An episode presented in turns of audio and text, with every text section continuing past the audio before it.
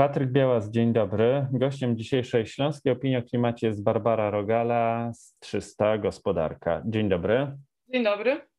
Ogłoszony został Polski Ład, a w Polskim Ładzie zostały zaprojektowane, zaplanowane inwestycje. E, I chciałem zapytać, w jaki sposób inwestycje zaplanowane w Polskim Nowym Ładzie wpłyną na klimat i środowisko? E, to jest e, temat rzeka, mimo tego, że e, zmiany klimatu nie są wcale centralnym zagadnieniem w Polskim Ładzie, nie ma o nich wcale jakoś szczególnie dużo, a moim zdaniem chyba nie tylko dlatego, że sama się tym zajmuję i interesuję, ale dlatego, że patrząc na to, jak, to, jak bardzo ważne stają się zmiany klimatu na świecie, ten temat powinien rzutować na wszystkie gałęzie gospodarki od mieszkalnictwa, budownictwa przez y, rozwój infrastruktury czy transportu. E, ale jednak parę rzeczy tam jest. Można przeglądając cały program doszukać się mm, tak naprawdę we wszystkich obszarach, e, o których mówi Polski Ład, paru słów o klimacie i środowisku. E, I co, może od jakichś naj, największych tematów zaczniemy, typu energetyka? To zanim przejdziemy do tych konkretów, jeszcze chciałem zapytać o jedną ciekawą rzecz, bo e, jeśli mówimy o inwestycjach, no to trzeba też mówić o budżecie na te inwestycje i no z czego e, polski rząd chce sfinansować te inwestycje przewidziane w Polskim Ładzie? E, tak, więc e, te przewidywane nakłady w ogóle są, e, to jest 37 prawie miliardów złotych do 2030 roku.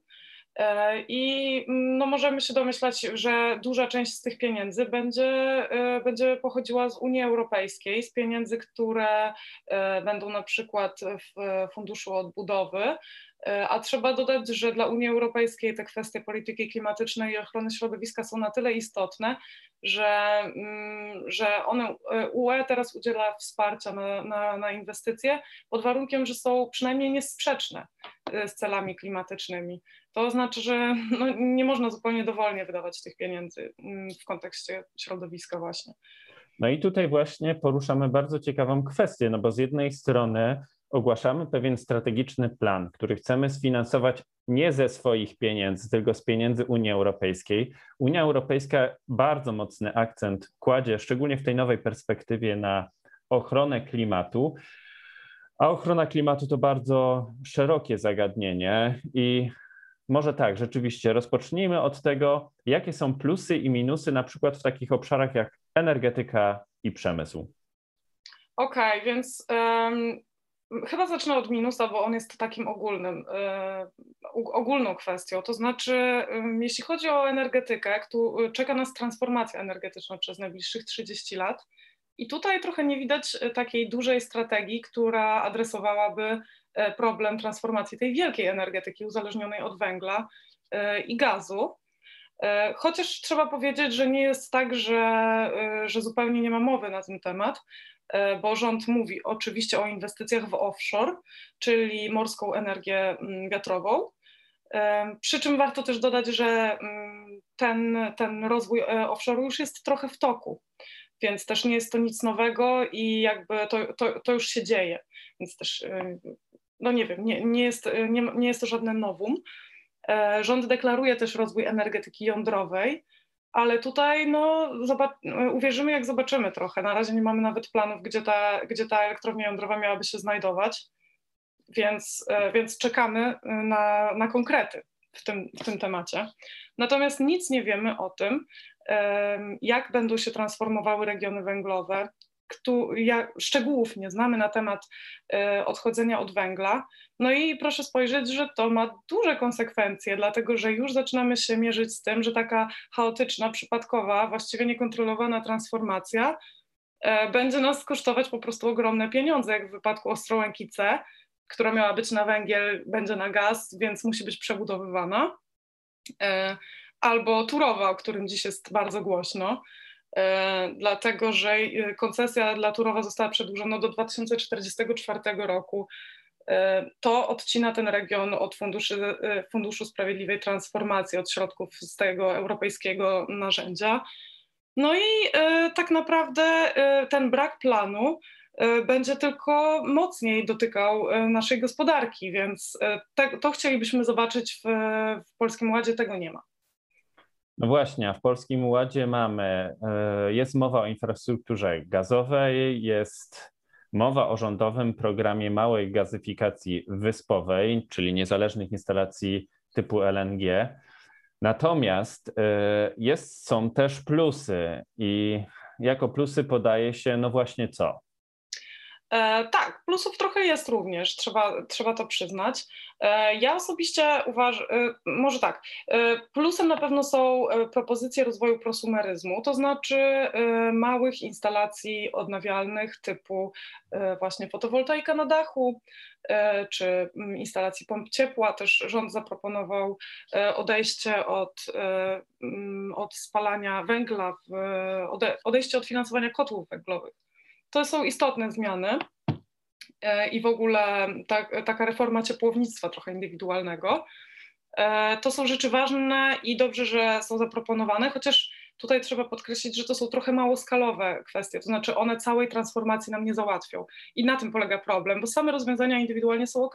Warto jeszcze dodać, że e, rozwijany będzie program spółdzielni energetycznych dla rolnictwa to jest ciekawa propozycja, gdzie oni będą mogli e, wspólnie inwestować w małe e, rozwiązania e, energetyczne, lokalne.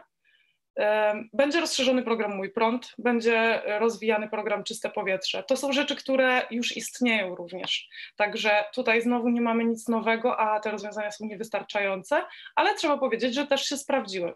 Trzeba to oddać. Ważnym obszarem jest też termomodernizacja budynków. To jest takie trochę niedoceniane rozwiązanie, no bo tak naprawdę masowe e, dogrzanie budynków e, jest może mało spektakularnym rozwiązaniem, ale pozwoliłoby zaoszczędzić dużo energii i też dużo pieniędzy w portfelach e, pojedynczych osób. I tutaj rząd ma na przykład taką propozycję jak Zielona Szkoła, czyli termomodernizacja budynków oświatowych. Uważam to za osobiście za bardzo fajny pomysł, chociaż w sumie chętnie zobaczyłabym go trochę rozszerzonego, na przykład o szpitale, urzędy miejskie, i tym podobne. Dlaczego, dlaczego nie pójść e, jakby e, szerzej, nie rozwinąć tego pomysłu? No ale właśnie jak słusznie pani zauważyła, te programy już są, te programy już idą. Natomiast wśród plusów wymieni się również kwestie związane z rozwojem polskiej gospodarki wodorowej. Tak. No to jest, wodór jest uważany za paliwo przyszłości, więc e, E, więc e, ta, to rozwiązanie może się okazać bardzo przyszłościowe. Wiem, że rząd planuje przedstawić polską strategię wodorową e, w pierwszym kwartale tego roku. No i tutaj chodzi zarówno o, o rozwój infrastruktury, jak i rozwiązań, badania i rozwój w tym obszarze E, a wodór ma taki potencjał, że mógłby być e, zarówno e, stosowany w energetyce, jak i na przykład w transporcie. Mógłby też służyć do magazynowania energii. Więc on, więc poten, jego potencjał jest w wielu obszarach, również w przemyśle. No i plan, plan rozwoju tego, co prawda tutaj przedstawiony hasłowo, to jest pomysł, który na pewno wydaje się ciekawy i warto trzymać za niego kciuki. To przejdźmy teraz do kolejnego obszaru, bo to oczywiście nie są wszystkie obszary, ale mnie osobiście interesuje drugi obszar, czyli ochrona środowiska i jak tutaj wyglądają inwestycje zaplanowane w polskim ładzie w tym obszarze. E, mogę jeszcze jedną rzecz dodać o energetyce, bo zapomniałam. E, to jest e, kwestia gazu. Rząd sporo mówi o tym, że zamierza dużo inwestować w infrastrukturę gazową. E, a to chyba nie jest e, do końca, e, znaczy skala tego nie jest chyba najlepsza, najlepszym pomysłem, dlatego że gaz to według Unii Europejskiej jest traktowany jako paliwo przejściowe. Nie, za kilka lat spotka go prawdopodobnie taki sam los jak infrastrukturę węglową, to znaczy coraz trudniej będzie o pieniądze na inwestycje, coraz trudniej będzie o ubezpieczenie. I jeśli zbyt entuzjastycznie podejdziemy do rozwoju gazu, no to możemy za kilka lat mieć problem i z węglem, i z gazem. Więc lepiej by było może nadmiernie się na nim nie koncentrować i skupić się bardziej na OZE. E, a wracając do ochrony środowiska, to najbardziej spektakularnym chyba pomysłem jest, e, jest propozycja stworzenia nowych parków narodowych. I tutaj tutaj rząd y, mm, jakby odpowiada na społeczne zapotrzebowanie, bo coraz częściej padają głosy, żeby rozszerzyć Puszczę Białowieską, y, cały jej obszar objąć park, mm, jako park narodowy, uznać, y, żeby powstał Turnicki Park Narodowy. Było też chyba kilka innych obszarów, które, które strona społeczna wskazywała, że mogłyby być parkami, a od 2001 roku nie mamy żadnego nowego. Z tym, że pojawiają się pytania, czy to rzeczywiście dojdzie do skutku. I, I czy zanim powstanie ustawa, skończą się negocjacje ze stronami społecznymi, bo często lokalni mieszkańcy są przeciwni powstawaniu, park, powstawaniu parków narodowych, to czy będzie jeszcze co chronić, bo e, w sumie dziś rząd mógłby e, dość łatwo uciąć w cennych przyrodniczo terenach na przykład e, wycinki i tego nie robi. Często też podejmuje decyzje o tym, żeby one trwały, tak jak było w wypadku Puszczy Białowieskiej.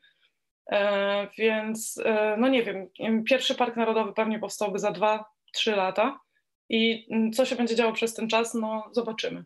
Mam nadzieję, że, mm, że te deklaracje o tworzeniu parków pociągną za sobą też deklaracje już o wcześniejszej ochronie, ochronie najcenniejszych przyrodniczych obszarów. No i teraz spróbujmy jakoś tak całościowo podsumować ten e, polski ład. E, czy polski ład jest szansą dla takich regionów węglowych jak województwo śląskie, a jeśli jest szansą, no to w jakim zakresie mieszkańcy i przedsiębiorcy takiego regionu węglowego mogliby skorzystać na tych propozycjach? Wydaje mi się, że y, trochę mało jest y, konkretów w tym projekcie, żebyśmy mogli powiedzieć, że regiony na przykład zależne od węgla y, dostaną tutaj realne wsparcie. I tak jak powiedziałam, te największe problemy związane z klimatem i środowiskiem, czyli transformacja energetyczna i sprawiedliwa transformacja, mimo tego, że rząd od dawna powtarza, że nasza sytuacja, jeśli chodzi o transformację, jest trudniejsza, nie są tutaj za bardzo adresowane. Mm, mamy tutaj trochę ogólników, dlatego mm, jako, jakbym była mieszkanką regionów węglowych, y, oczekiwałabym od rządu więcej konkretnych propozycji dla tych regionów. Bardzo dziękuję za tę dzisiejszą rozmowę. Gościem dzisiejszej Śląskiej Opinii o Klimacie była pani Barbara Rogala z 300 Gospodarka. Dziękuję serdecznie za rozmowę. Dziękuję bardzo.